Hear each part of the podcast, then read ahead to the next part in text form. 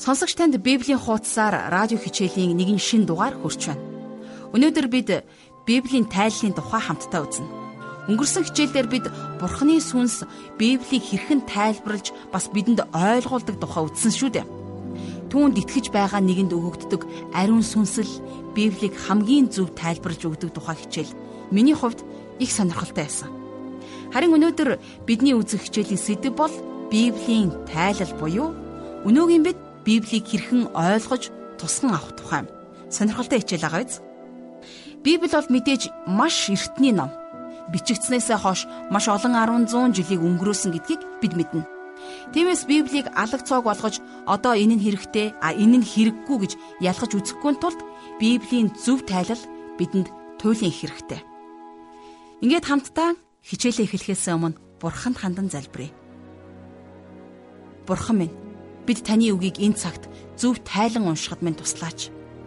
Бичигдсэн цагаас хойш таны хувьд юу ч өөрчлөгдөөгүй. А гэхдээ хүмүүс бидний амьдралд маш олон зүйл өөрчлөгдсөнийг та мэднэ.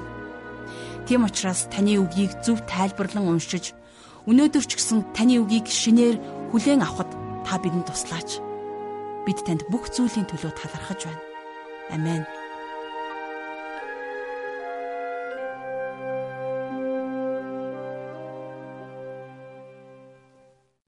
За аливаа цаг хугацаа илээсэн бүхнийг таамаглан тайлах боломжгүй байдаг.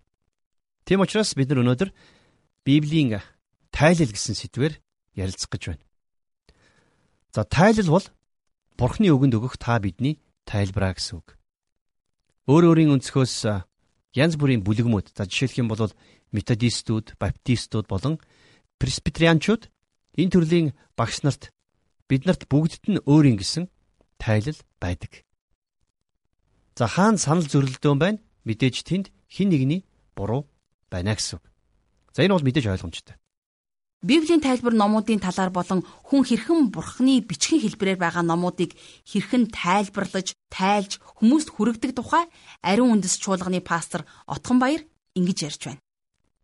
Мэдээ сайн номлол гаргахын тулд олон сайн орчуулгуудыг харьцуулж үзэж тэндээс хамгийн чухал яг сонсогчд нарт маань таарсан яг ямар бүлгийхэнд би хандаж ярьж байгаас шалтгаалan ямар үг хэллэгийг ямар төвшөнд яаж хүргэх вэ гэдгийг маш их боддог. Тэм учраас хүнд юу заахаас шалтгаалаад ямар орчуулгаас ямар хэсгийг ямар утгыг яаж гаргаж ирснийг нь илүү түлхүү одоо хэрэглэхийг зорддог. Мэдээж та Монгол орчуулгууд төдийг бас гадаад хэл дээрх орчуулгуудыг хардаг англи дээр орс дээр мөн өөрийнхөө чадах чинээ мэдлэг дээр тулгуурлаад бас еврей их хэл рүү а грек их хэл рүү зарим нэг орчуулгуудын зарим нэг хэлэх гэж байгаа санааг бас тэр зүйлүүд рүү эхийг нь тулгаж бас хардаг. Тэгэхээр мэдээж Монголд бас их хэл рүү төгсөн мэдээж Библийн их хэл дээр бичигдсэн тэр их хэл рүү төгсөн орчуулгууд хооштой улам илүү гарна гэж би найдаж байгаа. А гэхдээ чамлахаар чанга атга. Угаасаа эзний үг бол эзний үг.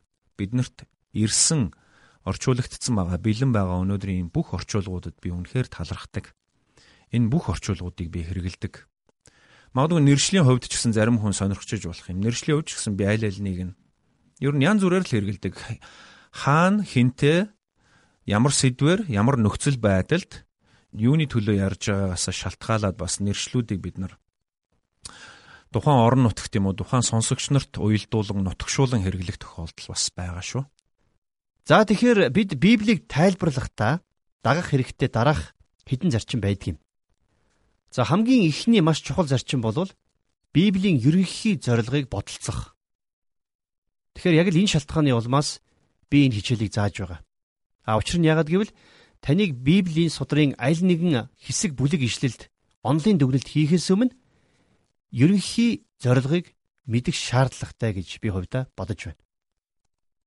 За зөвхөн ингэж ойлгосныхоо дараагаар тухайн сэдвтэй холбоотой бүх ишлүүдийг бүлгээр нь авч үзэн судлах ёстой. За хоёрдугаар зарчим бол хинд зориулж Библи бичигдсэн бэ гэдгийг ойлгох хэрэгтэй. За жишээд татъя л да. Йошуа номын 1-р бүлгийн 2-р ишлэлээр ингэж бичсэн байдаг. Босоод Йорданы гатлан яв гэж Йошуад хандан бурхан хэлсэн байна. За би тэр газарт очиод Йордан голыг гаталж байсан. А гэхдээ би тэр судрыг биелүүлэхийн тулд гатлаагүй. Бас би эцэст нь би Йордан голыг гатлан эзэн дуулууртай хандав гэж одоо Библиэд бичигдсэн байдагчлан түүнийг дагаж хэлээгүү. Харин тэр ишлэгийг уншиж байхдаа бид нар эзэн Йошуатай ярьж байгааг мэддэг. А гэхдээ тэр ишлэлд надад зориулсан маш их том хичээл байдаг гэдэгт би бас давхар итгэдэг. Тэгэхээр би юу ч хэлэх гээд яана вэ гэхлээр зэрэг бүх бичээс надад хувьчлан хандаж яриаггүй.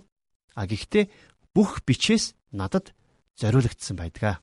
Энэ бол бидний мэдэх хэрэгтэй нэгэн маш чухал зарчим дүрм байгаа юм. За Библийг судалж байх явцдаа анхаарч мөрдөх хэрэгтэй хэд хэдэн чухал агуулгуудыг нь бид нэр ойшохгүй өнгөрч болохгүй. За тухайн үйл явдлын өрнөл яг юуг өгүүлж байна? За мөн өөр ямар судрын үйл явдлууд өөр үйл явдалтай холбогдож байна. За өнөөдрийн нийгэмд итгэгчийн нөлөөлөл болон амьдрал гарсан өөрчлөлтүүд гих мэт чухал агуулгуудыг бид нэр анхаарч үзэх ёстой. За тэгэхээр Библийг тайлбарлах 3 дахь зарчмыг одоо хэлэх гэж байна. Энэ бол яг Библийн их хувь нь юу өгүүлж байна гэдгийг нээн илрүүлэх явдал байдаг. За хэрвээ та еврей эсвэл грек хэл дээр уншдаггүй болвол за эсвэл та зүгээр монгол хэл дээр ч юм уу англи хэл дээр Библийг уншиж байхдаа эзэн юу гэж айлдсныг бараг л дөхүүлж ойлгох болно. За илэн далангүй хэлэх юм бол би хэдийгээр сайн орчуулгатай байсан ч гэсэн сүүлийн үеийн орчуулгуудыг санал болгож чаддаггүй. За бид онлын хувьд хуваагдаж хүн бүр Библийг өөрсдийн үзэл бодлороо орчуулан нэмж байна. Тийм болохоор хэрвээ ардчилсан үзэлтнүүд орчуулах юм бол та ардчлалын амтыг мэдэрч. А хэрвээ тулгуур үзэлтнүүд орчуулга хийсэн байвал тэдний нэг тал руу хивээсэн байдлыг зарим хэсэгт нь олж харж болох юм. За дашрамт хэлэх юм бол Монгол Библийн орчуулгын түүхийн талаар доктор Дүгэрмаа багш инхүү хүүрнэж байна. Хэдий тиймч Библийн англи их орчуулгыг хийсэн хүмүүс Библийг Бурхны үг гэж итгэдэг байсан бөгөөд тийхүү гардан хийсэн байдаг орчуулж чадахгүй үгсээ тэд нар энгийнээр хөрвүүлдэг байлаа. За жишээлх юм бол аба баптизо гэх мэт. За орчин үеийн орчуулгуудад тулгараад байгаа аюул бол орчуулга хоосон сургаал онлын загвараар хийгдэж байна. Орчуулагч хүн ямар нэгэн зүйлийг нэг хэлнээс аван нөгөө хэл рүү ижил зүйлээр томьёолон тавьдаг. За дөрөвдүгээр зарчим бол яахын аргагүй Библийг яг үннээр нь хөрвүүлэх. За хэл шинжлэлийн ухааны доктор Дэвид Купер гэгч хүн үүнийг маш зөв тодорхойлсон байдаг. Тэрээр ингэж хэлсэн байна. Судрын энгийн утга энгийн утгыг л гаргадаг. Өөр ямар нэгэн утга санаа илэрхийлдэггүй. Тиймээс агуулгын чухал баримтуудаас үл хамааран үндсэн суурь үннийг судлан үг бүрийг аван нин тэргүүний за бас жирийн ердийн тухайн үгийн утгыг илэрхийлэх ёстой гэж хэлсэн байна. За өнөөдрийн хичээл Библийг номынх нь хувьд хэр зөв тайлал хийх тухай баг зэрэг ээдрэтэ ч гэсэн маш чухал сэдвэр хичээлээ үзлээ. Энэ хичээлээс бодсон зүйл маань хүмүүс бид аливаа юмыг ямар их ээдрэтэ олгод юм бэ? Ийм нэг бодол төрсэн. Гэтэл бурхан үнэхээр зөв тайлал хийвэл энгийн гайхалтай бүр амьдралд ойрхон харин сэтгэлд амар тайвныг өгдөг тийм л гайхамшигтай үгийг бурхан бидэнд өгсөн байх шүү дээ. Энэ удаагийн хичээл энэ хүрээд өндөрлөж байна. Харин хичээлээ дуусгаад Бурханд хандан залбирцгаая.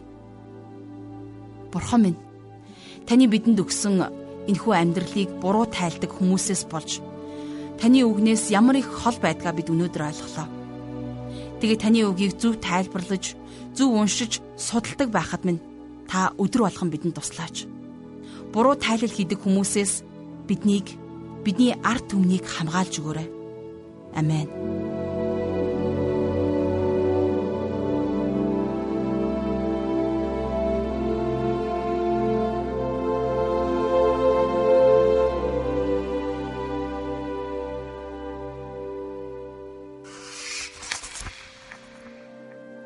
Сонсогч танд Библи ивэл төрийн бус байгууллагын захиалгад Библийн хуудасаар радио хичээл хүрлээ.